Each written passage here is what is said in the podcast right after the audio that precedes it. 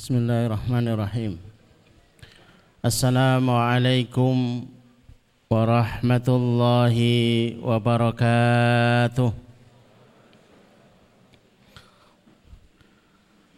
الحمد لله رب العالمين والصلاة والسلام على أشرف الأنبياء والمرسلين وعلى آله وأصحابه ومن تبعهم بإحسان إلى يوم الدين.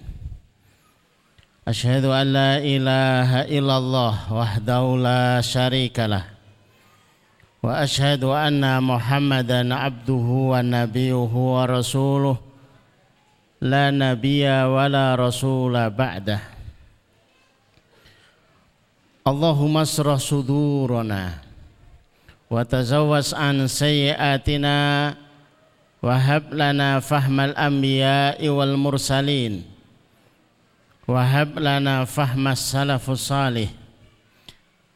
Allahumma anfa'na bima 'allamtana wa 'allimna ma yanfa'una wa zidna ilman wa na'udzu billahi min ahwali ahli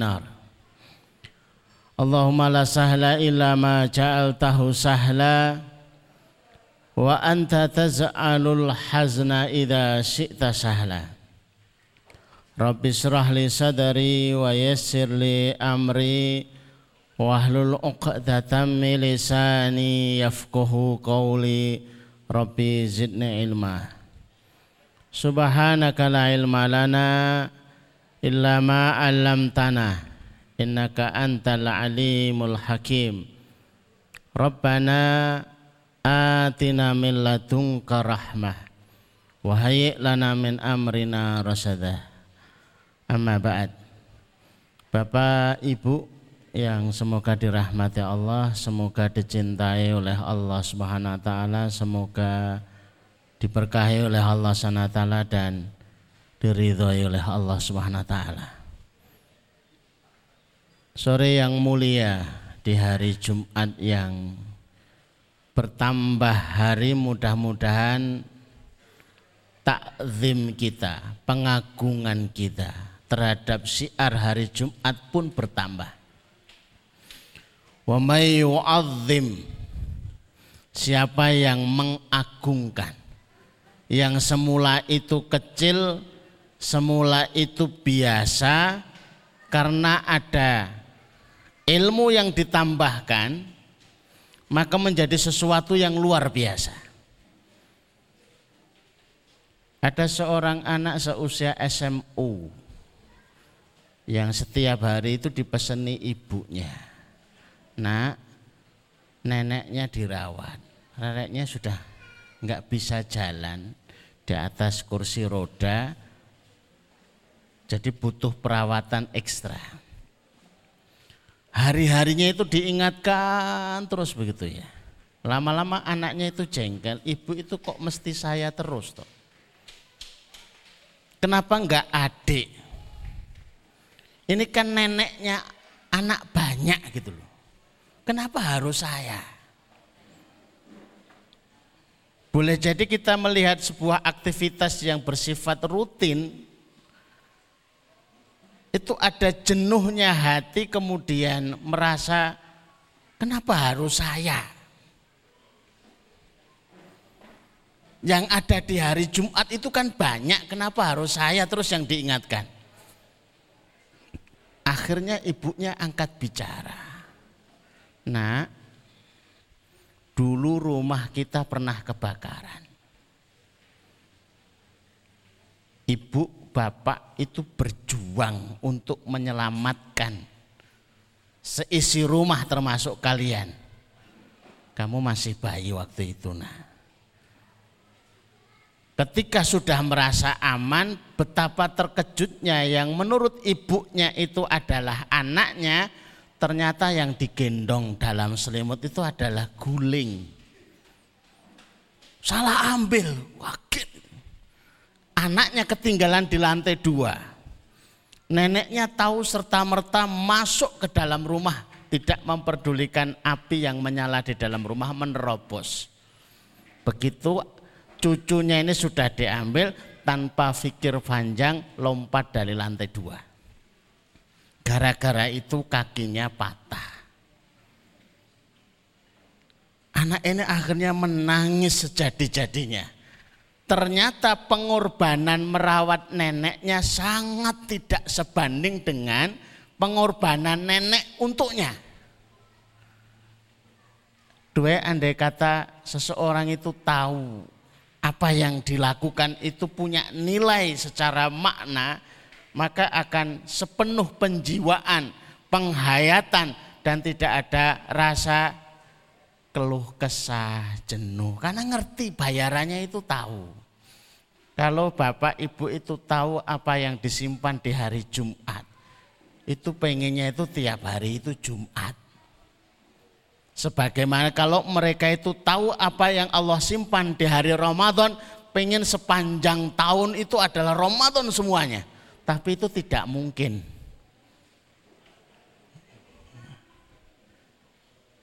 Hari Jumat ini luar biasa. Kalau betul-betul diketahui tentang nikmat-nikmatnya yang Allah siapkan dan umat ini dibalik pendeknya usia yang diberikan Allah tersimpan waktu-waktu pengali dari amal-amal soleh yang ada. Maka lipat gandakan semangat, lipat gandakan amal kalau berbarengan dengan hari Jumat. Dan kita ingin menutup Jumat kita setiap hari Jumat di tempat ini untuk bisa melakukan amalan utama yang mengundang rahmat Allah, yang mengundang malaikat menaungkan sayapnya, yang mengundang kebanggaan di hadapan Allah, yang menjadikan sakinah itu turun kepada kita. Di samping doa-doa kita selanjutnya. Bapak Ibu yang dirahmati Allah, tema kita sore hari ini delapan nasihat hebat.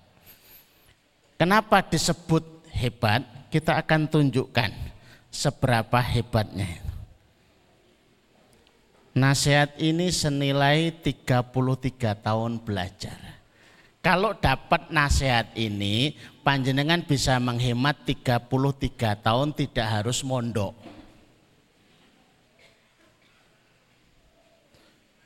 Karena ini berangkat dari pertanyaan Syekh Syakik Al-Balakhi kepada muridnya Hatim Al-Aqsam. Di keterangan selanjutnya, Hatim Al-Aqsam itu siapa?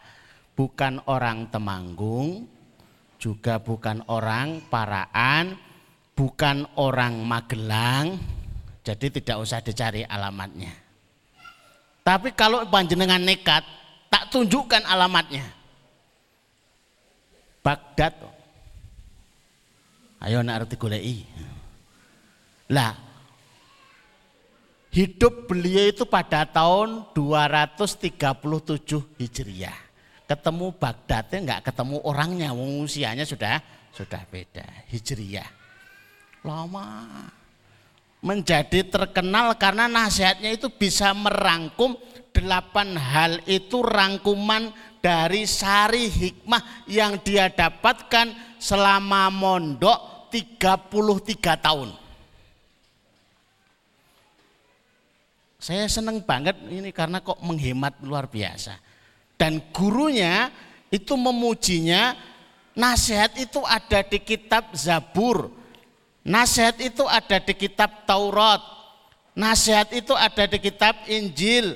Nasihat itu ada di kitab Al-Quran yang termuat delapan hal ini. Maka yang mengamalkan delapan nasihat hebat ini hakikatnya mengamalkan empat kitab suci. Istimewanya di situ ya.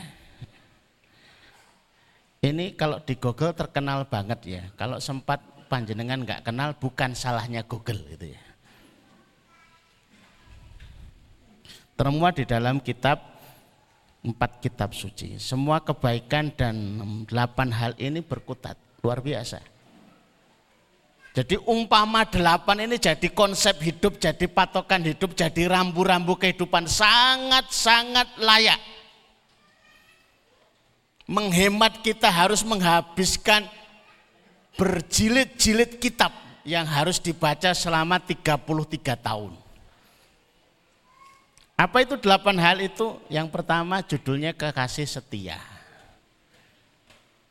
Bapak Ibu, ujung perjuangan kehidupan itu mesti mencari kekasih.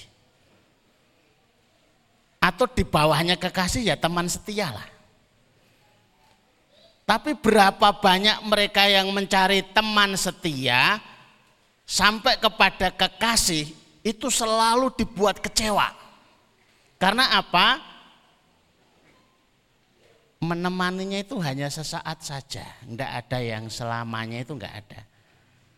Waktu masih baru kenalan, apalagi baru diakatkan, itu ditanya, dek apakah kamu mencintaiku sehidup semati?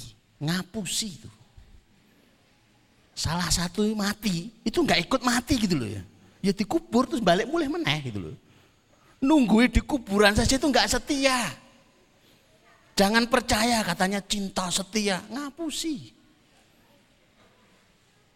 Ternyata yang akan menemani saat kita itu hidup sendirian, rame, sehat, sakit, sampai di alam kubur, sampai nanti di alam akhirat, itu amal soleh kita.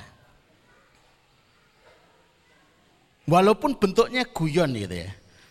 Bu, tadi dapat teh enggak? Enggak.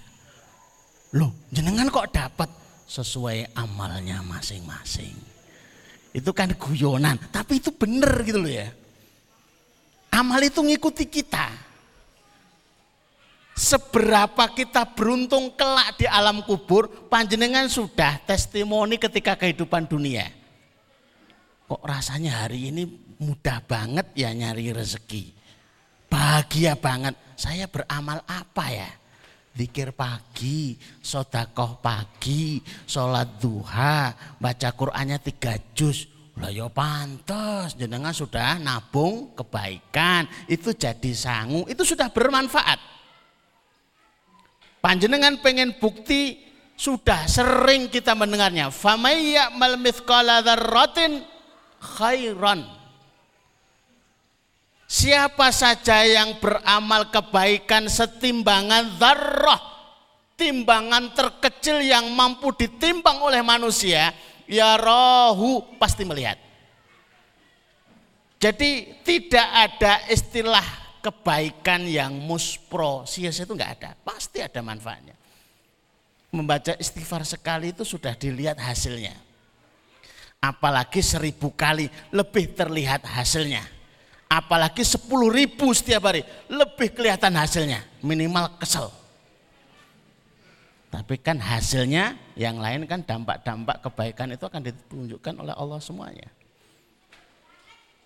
Tiga orang itu tertahan di dalam gua yang pernah kami ceritakan. Kemudian bercerita kepada Allah dengan amal itu untuk menjadi wasilah Ya Allah, kalau amalan ini mendapatkan ridhomu ya Allah, geser batu dari mulut gua sehingga kami bisa keluar. Geser sedikit. Orang kedua geser lagi sedikit. Orang ketiga geser batunya sehingga bisa keluar tiga-tiganya. Bukti amal solih di dunianya itu bisa dilihat hasilnya. Seorang kakek usia 70 tahun bersama rombongan pemuda di atas kapal mendekat ke daratan kurang 2 meter. Tiba-tiba dikejutkan kakek ini melompat dari kapal ke daratan. Membuat takjub rombongan pemuda ini. Kok bisa panjenengan itu sudah sepuh. Kekuatan dari mana? Kakek ini bercerita, waktu muda kami biasa menjaga anggota tubuh ini dalam ketaatan. Giliran kami tua, anggota tubuh dalam ketaatan inilah yang gantian menjagaku. Dunianya kelihatan. Di alam kubur barzahnya kelihatan. Puncaknya di akhirat. Mereka yang mengira amal soleh kita itu akan dipanen hanya di akhirat, kecewa Di dunianya sudah kelihatan kok. Dan ditampilkan banyak ayat, banyak hadis yang bercerita tentang seperti itu.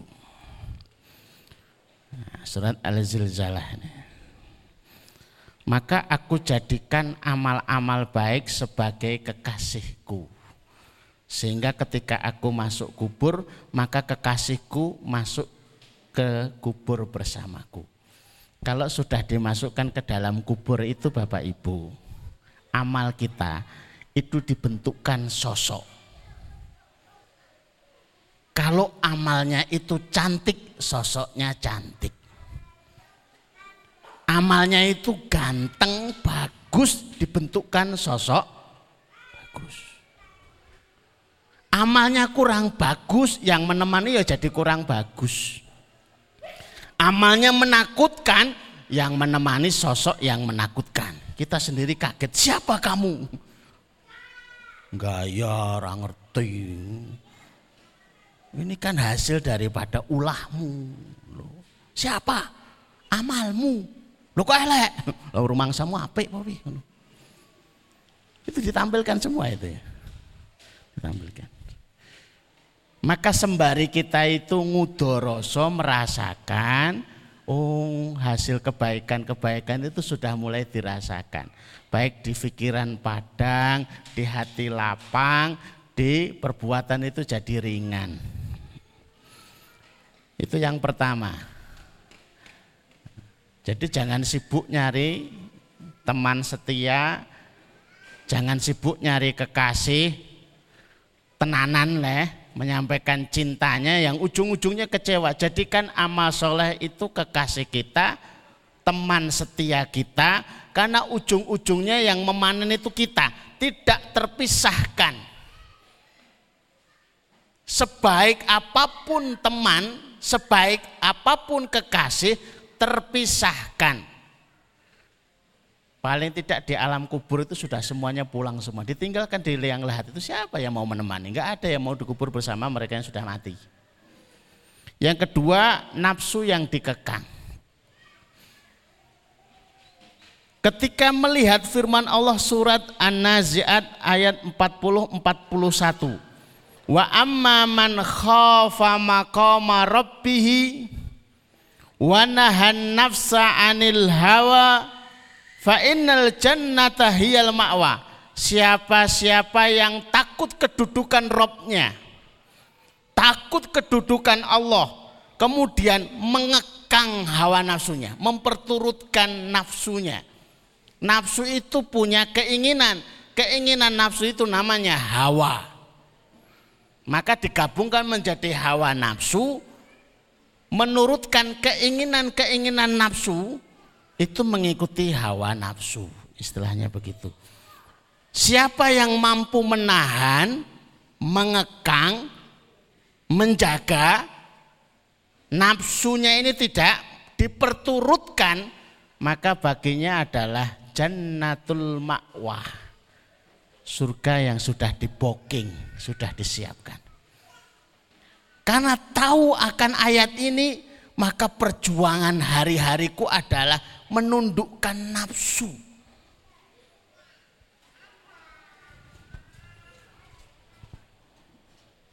Ketika itu sudah bisa ditundukkan, dikendalikan, maka urusan-urusan lain itu jadi beres. Kalau tidak terlatih itu masalah dan latihan yang terbaik dari apa itu menempa nafsu itu puasa Pak. Orang-orang yang punya latihan terbaik dalam urusan puasa itu punya latihan terbaik di dalam mengekang nafsunya. Karena puasa itu amalan yang istimewa. Hari Senin kita ada di bis, samping kita nawari tahu itu kalau kita nggak ngaku, itu nggak tahu loh. Pak tahu, nun sewu senen. Niki kula nggak ngertos. Niki senen, bincang selasa to, ah kula ngerti. Saat derenge minggu tuh oh apa? Maksudnya niku poso, oh poso nun sewu, mboten sios. Kita sahur nggak sahur, nggak ada yang ngerti kalau kita puasa. Hatta istri kita belum tentu tahu kalau kita itu puasa. Itu amalan tersembunyi kok. Jam 3 sahur, bakda subuh nyeruput kopi sak gelas terus dilapi. Poso Pak, ha, kemis. Poso apa mboten? Oh, kemis yo ngerti lah. Lah jenengan niku poso apa mboten? Biasane iki piye? Guyang guyu. Nggih wis entek sak gelas. Enggak ada yang tahu. Kalau siapke kangge buka nggih nggih. Lah kok jam loro, jam loro ini ketok ngeleh banget. Wih, iki bahaya nek ngenteni sore itu. Iso diet tenanan ya. Itu masuk kamar dikunci, telah sak piring kare, es teh sak gelas, terus dilapi malih. Nah, meneng wae ketok pura-pura kelentru Kok ketok lemes to, Pak? Ayo kemis yo ngene iki lah ngono. Wis sak piring. Enggak ada yang tahu ini amalan istimewa. Kalau kita enggak ngaku, enggak ngerti. Yang dilatih itu bukan mulutnya, yang dilatih itu bukan perutnya, yang dilatih itu bukan lidahnya, tapi yang dilatih itu nafsunya tidak memperturutkan apa pun yang diinginkannya karena menunda kenikmatan demi kenikmatan yang lebih. Latihannya nafsu seperti itu. Kalau sudah terlatih luar biasa. Terlatih luar biasa. Yang ketiga, simpanan kekal. Ma indakum yanfad wa ma indallahi bak. Aku melihat manusia itu suka nyimpen barang-barang istimewa. Ternyata itu tabiat setiap orang. Punya apa itu? Perhiasan simpen. Punya tabungan untuk nyimpen uang. Ada investasi untuk nyimpan apa yang dimilikinya. Itu kecenderungan. Tapi kita diingatkan surat An-Nahl ayat 96.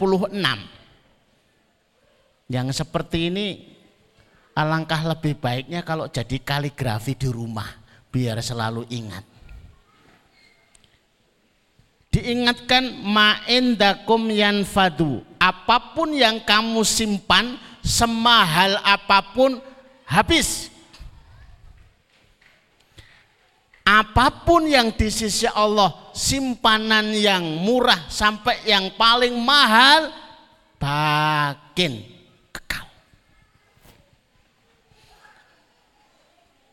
Maka sejak itu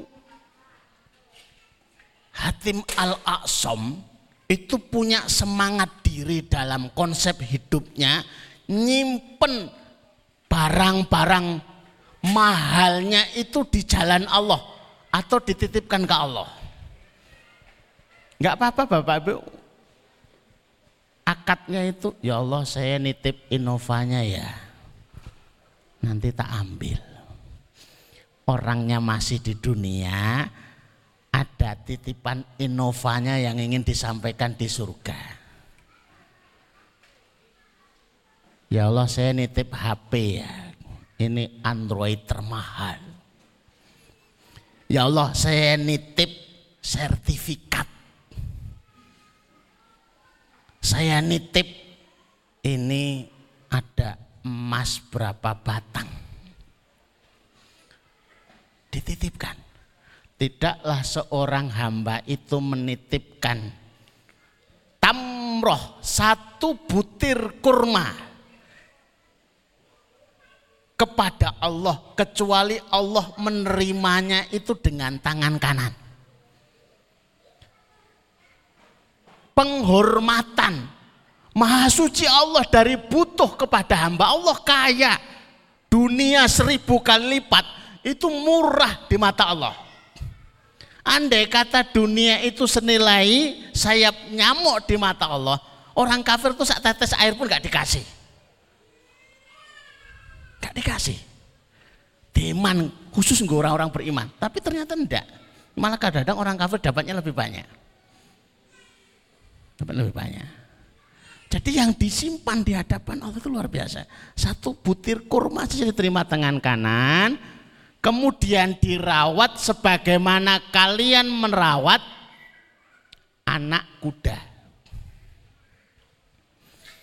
Kalau bapak ibu belum bisa memahami dan menjiwai apa sih urusannya dengan anak kuda? Adik saya itu ternak kuda kalau ada yang betina, kuda betina melahirkan, itu senangnya luar biasa. Karena kalau sudah mulai bisa jalan, usia remaja, agak dewasa, oh itu tiap hari itu di diamati, dirawat. Di samping harganya mahal. Memang nyenengke nih, dirawat sebagaimana kalian merawat anak kuda sampai sebesar gunung dari satu butir kurma itu tadi sengaja disimpankan untuk diberikan lagi kepada mereka yang menitipkan kepada Allah. Kalau begitu kan enak toh. Ikuti permainannya. Ikuti permainannya. Yang kita titipkan kepada Allah, kalau itu adalah standar normal, itu dibalas 10 kali lipat. Manja abil hasanati falahu asru amthaliha. Itu normal. Bolehkah kita berharap? Ya boleh. Kalau tidak boleh berharap, ngapain diceritakan di dalam Quran? Ngapain disampaikan? Ngapain disebutkan? Lah berarti kan berharap dunia kepada Allah. Kalau enggak kepada Allah, kepada siapa lagi? Berharap kepada mertua sama sengsaranya. Udah berharap kepada Allah saja. Dan biasanya semangatnya itu beda, kalau punya harapan itu kan beda. Salah satu cara untuk menghilangkan kemalasan itu suntikkan harapan. Kenapa orang yang usia 70 tahun sakit kemudian kok sudah pasrah gitu. Kalau pasrah itu biasanya nggak punya harapan. Hilang harapan atau putus harapan. Mbah, mantun ya ora. Lo nopo? Wis ora mbah putri. Apalagi yang diharapkan. Uh, ada mbah-mbah yang lain. Alah padha Piknik mbah. Oh ora wis. Sate ora tedas. Jadi harapan dunia di mata orang tua itu sudah enggak enggak enggak ada harapan lagi. Tapi ketika semangatnya itu dihidupkan harapannya. Jenengan dereng haji loh mbak. Mantun, sehat, tiba-tiba hidup. Dan harapan ketika sudah mulai hidup kemudian lisannya berucap. Ya Allah sembuhkan aku. Ya Allah panjangkan usiaku. Menurut penuturan Aagim, beliau kena COVID tapi mendapatkan hikmah yang luar biasa. Ternyata tubuh manusia itu ada getaran untuk melawan virus. Getaran itu muncul dari pribadi, Getaran itu muncul pula dari tempat. Tempat yang getarannya paling lemah itu adalah rumah sakit. Ini hawane ke rumah sakit itu hawane wes wes wes. Lemah getarannya.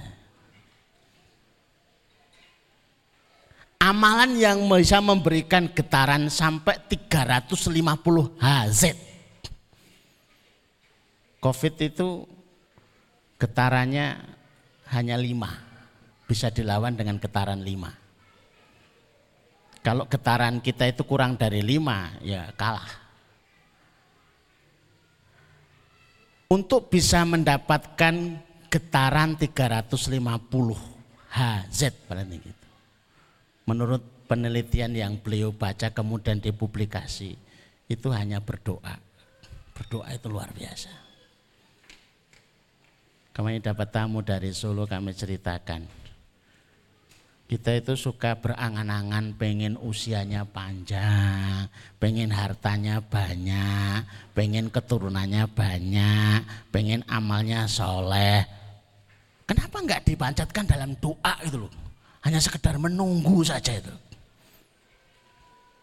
Seorang sahabat itu didoakan dalam satu doa oleh Rasulullah enam hal dan enam-enamnya terkabul.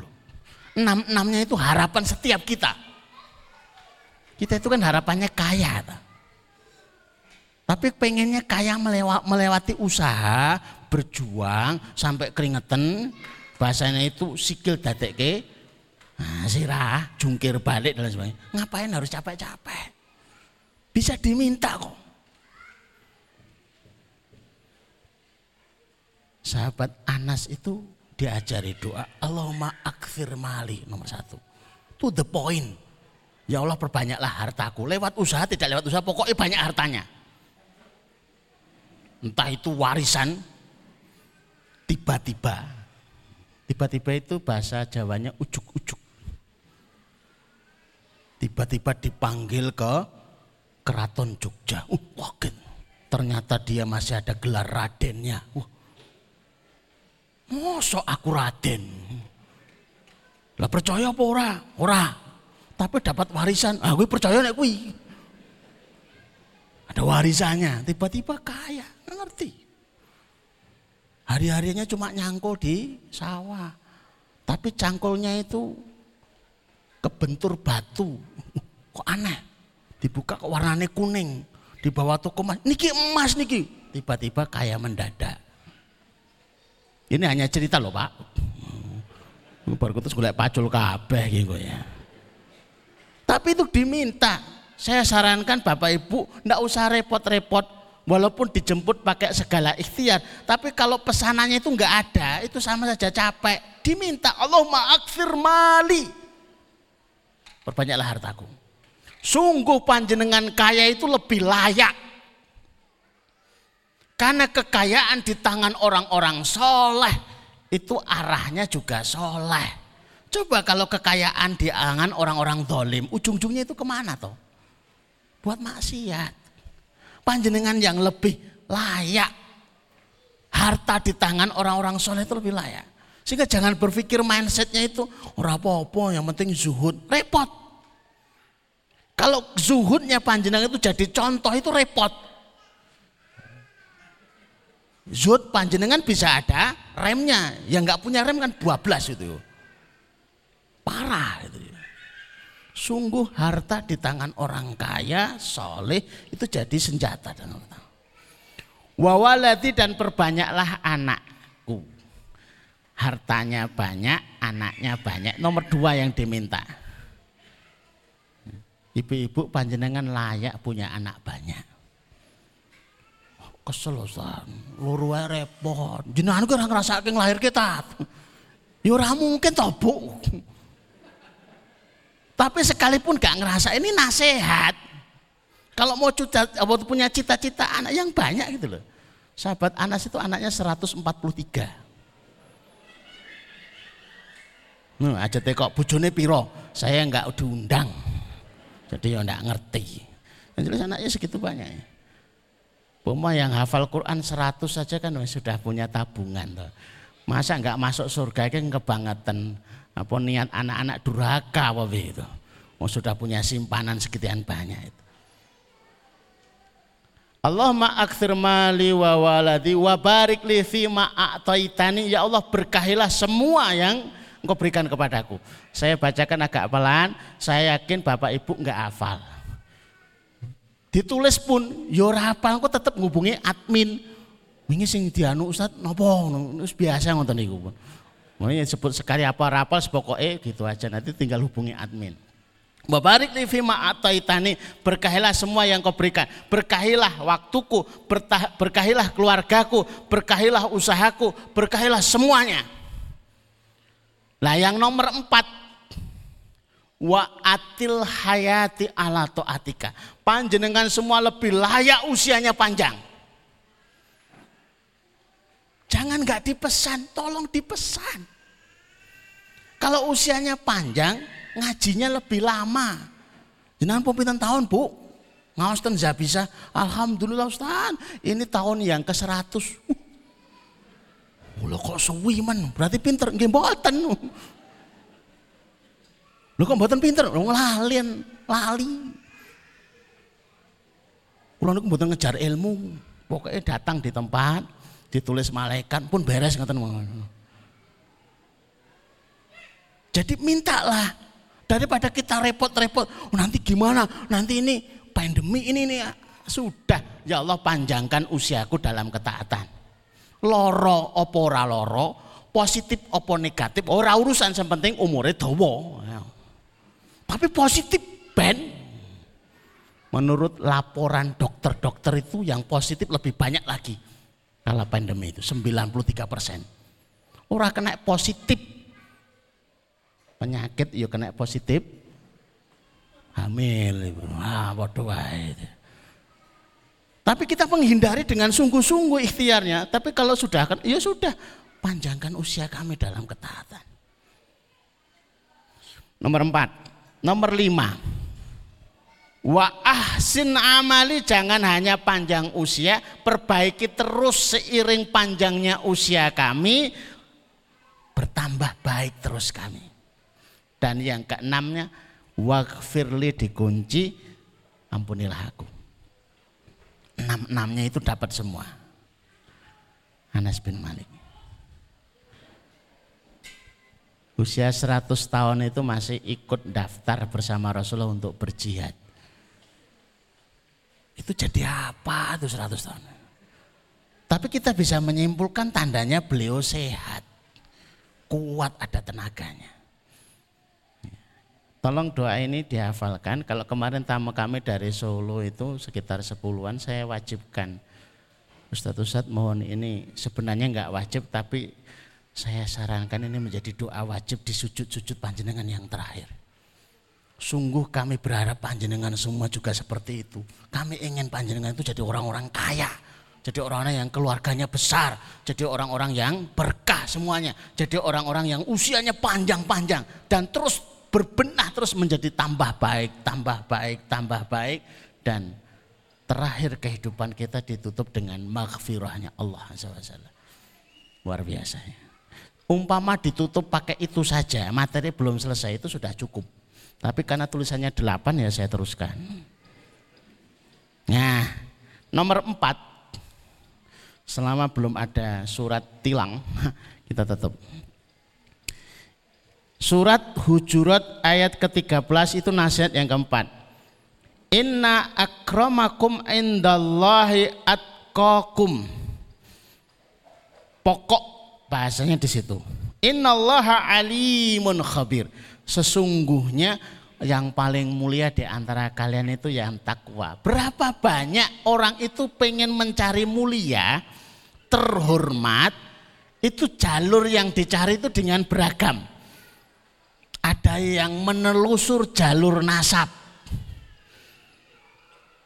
sehingga dia berbangga dan merasa terhormat aku ki turunane pangeran Diponegoro. Uh kula niki turunane Habib. Lho kok saged Habib kok pesek? Lembah kula jenenge Mbah Habib. Oh tak kira Habib turunane Nabi. Merasa mulia dengan itu. Kula niku turunan kiai. Ndak nggih. Nomor pinten? Lah niku ketoke nomor satu spiro. Nah, ada yang berburu mulianya itu karena harta. Pengen tahu bagaimana orang berburu harta ini untuk mulia, lihatlah pada hari Idul Fitri. Bingung motore kudu dijolke. Nek iso tahun wingi ki roda loro. Tahun ini roda papat. Tahun kemarin roda papat berapa bapak ibu tahun depan roda limo ojo sing ganjil-ganjil repot ya roda telu ya becak roda limo bemo roda enam truk Wis papat wae. Itu pulang bawah itu merasa mulia gitu loh ya. Roda papat itu ya. Masya Allah anakku. Kemarin numpak e Supra X sekarang roda papat. Alhamdulillah Bapak Ibu. Gitu kan piro, regane piro. Alhamdulillah. Iki rental apa tuku? Alhamdulillah. Itu caranya begitu Pak. Jangan ngaku menjatuhkan harkat dan martabat. Wingi mobil Avanza. Lah kok saiki wis ganti meneh? Alhamdulillah. Alhamdulillah ini maksudnya apa? Kata Ustadz, tafsirnya terlalu banyak. Daripada repot mendengarkan tafsirnya, mending sudah berhenti saja, tidak usah diusut sampai mana. Ada yang pengen demi mulia itu banyak yang dicari. Harus nyalon jadi ini. Kalau jadi pejabat kok kelihatan terhormat. Maka Allah umumkan, pemilik semesta ini mengumumkan, pemilik manusia mengumumkan, mulia, terhormat, itu ukurannya takwa. Tidak usah peduli panjenengan sebagai jabatannya apa. Selama panjenengan bertakwa itu pun santai mawon. Kalau belum bisa beli yang roda empat baru roda dua, nyantai mawon. Tidak perlu kita itu minder gitu loh. Mosok limang tahun motornya ganti-ganti. Alhamdulillah. Ini bisa untuk dipakai ke masjid. Bisa untuk nyari nafkah menahan kami sekeluarga dari meminta-minta. Terhormat. Kok rumahnya gak anu gak direnovasi, renovasi. Alhamdulillah sudah bisa menaungi dari hujan, bisa berteduh dari panas. Alhamdulillah kami bersyukur. Tulisan kami pagi hari ini kan sebenarnya ingin kami teruskan. Seorang kota itu berbangga banget dengan kotanya. Kalau dari desa itu bawaannya itu kok desit. Identik dengan kesederhanaan, kebersahajaannya dalam kurung itu duafaknya gitu loh. Padahal kalau orang desa itu mau berbangga dengan desanya itu luar biasa. Nang enak, enak ning desa. Enak ning kutha yo, desa itu anti polusi. Air mengalir tanpa beli. Mosok kali. Di kota itu kalau buat sayur beli. Nah kita yang di desa itu tinggal metik. Ada orang panen cabai no. Anu tumbas ayo kono dipai kono sak sak. Engko sak nyambelan mawon. Oh kono Kok gampang ya? Gampang. Nang desa ki sepi. Jam 8 wis sepi. Ya malah sehat ndang turu, ora kakan pikiran. Ora dikejar-kejar tagihan. Sebenarnya itu soal bagaimana kita membangun narasinya saja dan alasan. Ketika bisa ya wis ngono tok. Walaupun di kota, di desa, semuanya itu sama saja asal terjaga atmosfer ketaatan kita kepada Allah semuanya itu membanggakan dan membahagiakan. Nomor lima. Ini ibu-ibu minimal harus membuka. Az-Zukhruf ayat 32. Nahnu kosamna bainahum ma'isyatahum fil hayati dunya. Aku amati manusia sebab mereka itu terpisah satu dengan yang lain. Sebab saling membenci, saling membuli. Ternyata ketemu sebabnya adalah dengki.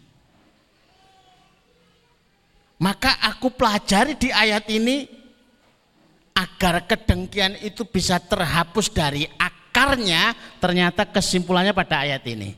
Kami sudah dibagi. Kehidupan itu sudah dibagi, sudah tertakar, tidak mungkin tertukar. Enak ya tadi Ustaz, jajalo, ngora enak. Enak ya dadi tukang dodolan tahu. Jajalo kok ora enak. Enak dadi petani anteng, jajalo ora enak. Sudah tertakar, tidak akan tertukar. Kalau sudah tahu seperti itu enak. Wes dibagi, orang mungkin keliru. Sudah dibagi tidak mungkin keliru. Enak ya nek bojone ayu, jajalo, ora enak semakin cantik istri kita, semakin sengsara, Pak. Ditumpak ke rodo loro kok ya ora pantes. Tumpak ke rodo papat kok ya larang. Sak nyebut-nyebutnya kita itu gelisah loh. Ini kini grimis-grimis mangan sate enak ya mas. Ora arep ditukok ke sate tapi ayu. Ditukok ke sate rantai duwe. Repot. Dulu saya sering membahasakan semakin cantik semakin licik. Walaupun nggak bener juga, tapi yo ben ben wae kesimpulannya sendiri-sendiri. Oh, sudah dibagi. Berapa banyak para suami itu tersiksa gara-gara apa? Istrinya cantik. Bagaimana agar tidak tersiksa? Ya sudah jadi istri panjenengan itu saja sudah. Ini yang terbaik dari Allah. Ya sudah dinikmati saja. Biar ki ayu loh saat seiring waktu kok memudar. Lapa rumah sana jenengan ki gak memudar, kan ya wae. Iya ya, sudah dinikmati saja, sudah dibagi, tertakar, terukur, tidak mungkin tertukar. Enak. Saya sering ditanya, motor yang paling enak itu apa? Beat Ora yo, bit. Ora enak vario, oh bit. Nmax ora bit. Lah kenapa? Duwe iku bit. Ya terserah lah orang mau ngomong apa-apa. Ini promo dari Honda apa ora, ora urusan iki kan. Yang ada itu dinikmati enak sudah. Nanti kalau saya bisa beli Vario, motor paling enak itu Vario. Ora percaya. Enak-enak ora. Itu ketika kita punya prinsip dan konsep seperti ternyata kok kok enak ya ternyata. Sudah dibagi ayatnya jelas 32 zuhruf. Kehidupan dunia itu sudah dibagi. Kalau kita tidak memahami, ngelihat orang lain itu meriang. Tetangganya nurun ke kulkas. Udune kan dingin toh Pak? Greges Mungkin apa? Tetangganya renovasi. Wah mulai mules. Bikin apa? Lah kayak renovasi. Apa hubungannya gitu loh. Masuk tetangga baru satu tahun renovasi. Lah kita wis puluhan tahun. Pondasi wae ora. Biar saja. Ternyata sudah ada bagiannya. Kita ada di sana itu yo belum tentu enak. Wong ukurnya kita itu nggak jujur. Enak ya, ibu itu dagangannya laris ini. Se, ojo tergesa-gesa menyimpulkan anaknya loro, bujune rasolat. Enak eneng di. Oh iya ya.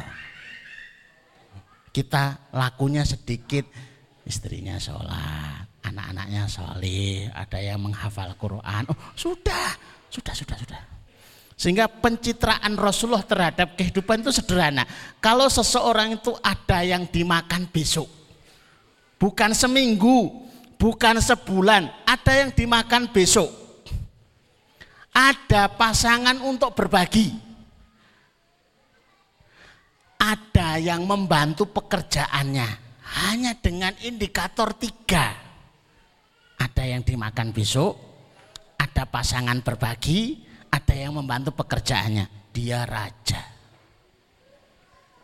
Sekalipun tidak harus mengaku diri sebagai raja. Karena sudah ada rajanya di depan sini. Raja Mebel. Tidak usah ngaku-ngaku gitu. Raja baru. Aku raja tahu rasa. Raja sayur gak usah. Tapi kita tuh berbahagia gitu loh. Kayak temanten baru gitu loh. Sebenarnya itu yang lebih ganteng banyak, yang lebih cantik banyak. Tapi hari itu yang didaulat jadi raja dan ratu ya hanya itu dia dia aja. Itu kan merasa bahagia gitu ya. Di foto sana, foto sini, disalami sana, disalami sana. Kalau pas lagi begitu jangan ingatkan bu. Nanti balik ke kelambine, wisilian, isu isu, ngenes iku. Iki resepsi iki wis dibayar purung kabehane. Wis dadi ingat semua itu dadi buyar. Ora situ dadi raja, ora situ dadi ratu. Nomor 6 yang diingat-ingat. Surat Fatir ayat 6. Inna syaitana lakum aduun fattakhiduhu aduwa. Ya. Makasih ya. Sesungguhnya setan itu musuh. Maka jadikan musuh. Jangan berubah status. Yang dilihat kalau kita itu sedang benci bermasalah dengan orang-orang sekitar kita, ini setannya sedang apa? Karena biangnya itu setan. Ada yang marah-marahi kita. Setan ini lagi nyapo ya kita pulang dari ngaji, jan iki ya wis pamit sama suaminya. Mau tak ngaji sih ya Mas? Yo. Mulai-mulai mencucu, ora ngomong-ngomong. Lu ngoneng di, gak izin. Loh. Sudah izin. Izin apa? Tak kira neng warung. Lah kok suwi? Itu yang difikirkan kita itu. Ih kok tiba-tiba nesu ki setane neng ndi ya ngono. Selalu ada setan yang jadi biang. Maka fokuslah lihat setannya, jangan fokus kepada yang ditempeli setan. Karena kalau setannya dihilangkan beres. Ibu-ibu kalau ngelepas anak, bapak-bapak kalau ngelepas anak, itu kan serba khawatir, deg-degan. Ingkuk dulane karo sopo. Maka daripada repot-repot, setiap ngelepas anak dipagari ini uidzuhu bika wa dzurriyyatahu minasyaiton. Doanya Maria, doanya ibunya Maryam. Ini uidzuha bika wa dzurriyyataha minasyaitonir rajim. Aku perlindungkan dia ya Allah dan keturunannya nanti dari setan. Itu anak tuh terjaga. Karena biangnya itu setan. Kalau sudah diperlindungkan dari setan dia sudah beres. Nomor tujuh Wama min dabatin fil ardi ila Allahi rizquha tidak ada yang melata di muka bumi kecuali Allah jamin rezekinya. Sementara kita itu melata, yang disebut melata itu napak. Berapa banyak orang itu menghinakan diri demi untuk rezeki. Kadang-kadang nggak jelas halalnya, tapi diperjuangkan nibonangi, padahal sudah dijamin oleh Allah. Kalau sudah dijamin ngapain kita itu menghinakan diri demi rezeki. Kalau memang kurang banyak ya diminta lagi. Kadang-kadang kita itu lupa prosedur ringannya. Iya karena butuh, iya karena stain kepada Allah kita itu beribadah. Sembari itu kepadanya juga kita minta tolong. Jadi pertolongan apa yang kita butuhkan, kurangnya apa-apa, mintalah kepada Allah. Jangan menghinakan demi rezeki. Jangan membuat hilang meruah dan martabat kita gara-gara rezeki sementara sudah dijamin oleh Allah SWT. Dan yang terakhir wa mayyatawakkal 'alallah fahuwa hasbuh. Banyak orang bersandar kepada anak. Karena anaknya tiga putri semua, biasanya orang tua itu nyandarkan rezekinya kepada yang paling cantik. Yo, nduk, dirawat kecantikannya. Sopo ngerti bujumu ganteng sugih. Iso ngangkat derajat di keluarga. Kecewa. Jangan bersandar ke anak. Ada anaknya yang S2, S3, iki bakal sing ngangkat derajatnya orang tua. Jangan kecewa. Ada yang bersandar, aku duwe sawah rong hektar ke mesti bakal, eh, jangan kecewa punya toko bersandar bersandarlah kepada Allah Azza Jadi kalau anak-anak sudah diajarkan sandarannya kepada Allah, tidak ada yang perlu dikhawatirkan. Bapak Ibu, kami cukupkan singkat Mari kita tutup dengan doa kita. Bismillahirrahmanirrahim. Allahumma salli ala Muhammad wa ala ali Muhammad kama sallaita ala Ibrahim wa ala ali Ibrahim innaka Hamidum Majid. Allahumma barik ala Muhammad wa ala ali Muhammad kama barakta ala Ibrahim wa ala ali Ibrahim fil alamin innaka Hamidum Majid. Walhamdulillahi rabbil alamin. La ilaha illa anta subhanaka inni kuntu. La ilaha illa anta subhanaka inni kuntu. La ilaha illa anta subhanaka inni kuntu. Allahumma ya Rahman ya Rahim ya Hayyu ya Qayyum ya Dzal Jalali wal الإكرام. Allahumma inna nas'aluka min khairin ma sa'ala min nabiyyika Muhammad sallallahu alaihi wasallam wa na'udzubika min syarri ma sta'adha min nabiyyika Muhammad sallallahu alaihi wasallam. Antal musta'an alaikal balag wala khawla wala quwwata illa billah. Ya Allah sesungguhnya kami memohon seluruh kebaikan yang pernah diminta oleh nabi kami sallallahu alaihi wasallam. Ya Allah sesungguhnya kami memohon perlindungan dari seluruh keburukan yang perlindungan itu pernah diminta oleh nabi kami sallallahu alaihi wasallam. Allahumma kfina bihalalika an haramika wa aghnina bi aman siwaka ya Allah. Cukupkan kami dengan rezekimu yang halal sehingga kami tidak butuh yang haram. Kayakan kami ya Allah dengan anugerahmu sehingga kami tidak butuh kepada selainmu. Birahmatika ya arhamar rahimin. Allahumma dzib hammana Allahumma dzib hammana Allahumma dzib hammana. Ya Allah angkatlah masalah-masalah kami. Ya Allah angkatlah masalah-masalah kami. Ya Allah angkatlah masalah-masalah kami. Allahumma inna nas'alukal huda wa tuqa wal afafa wal ghina Rabbana atina min ladunka rahmah wa hayyi lana min amrina rasada. Rabbana atina fid dunya hasanah wa fil akhirati hasanah. Wa qina adzaban nar wa qina adzaban nar wa qina adzaban nar. Wa sallallahu ala Muhammadin wa ala alihi wa sahbihi wa sallim. Subhana rabbika rabbil izzati amma yasifun wa salamun al mursalin walhamdulillahi rabbil alamin. Kole kole hadan astaghfirullahaladzim. Assalamualaikum warahmatullahi wabarakatuh.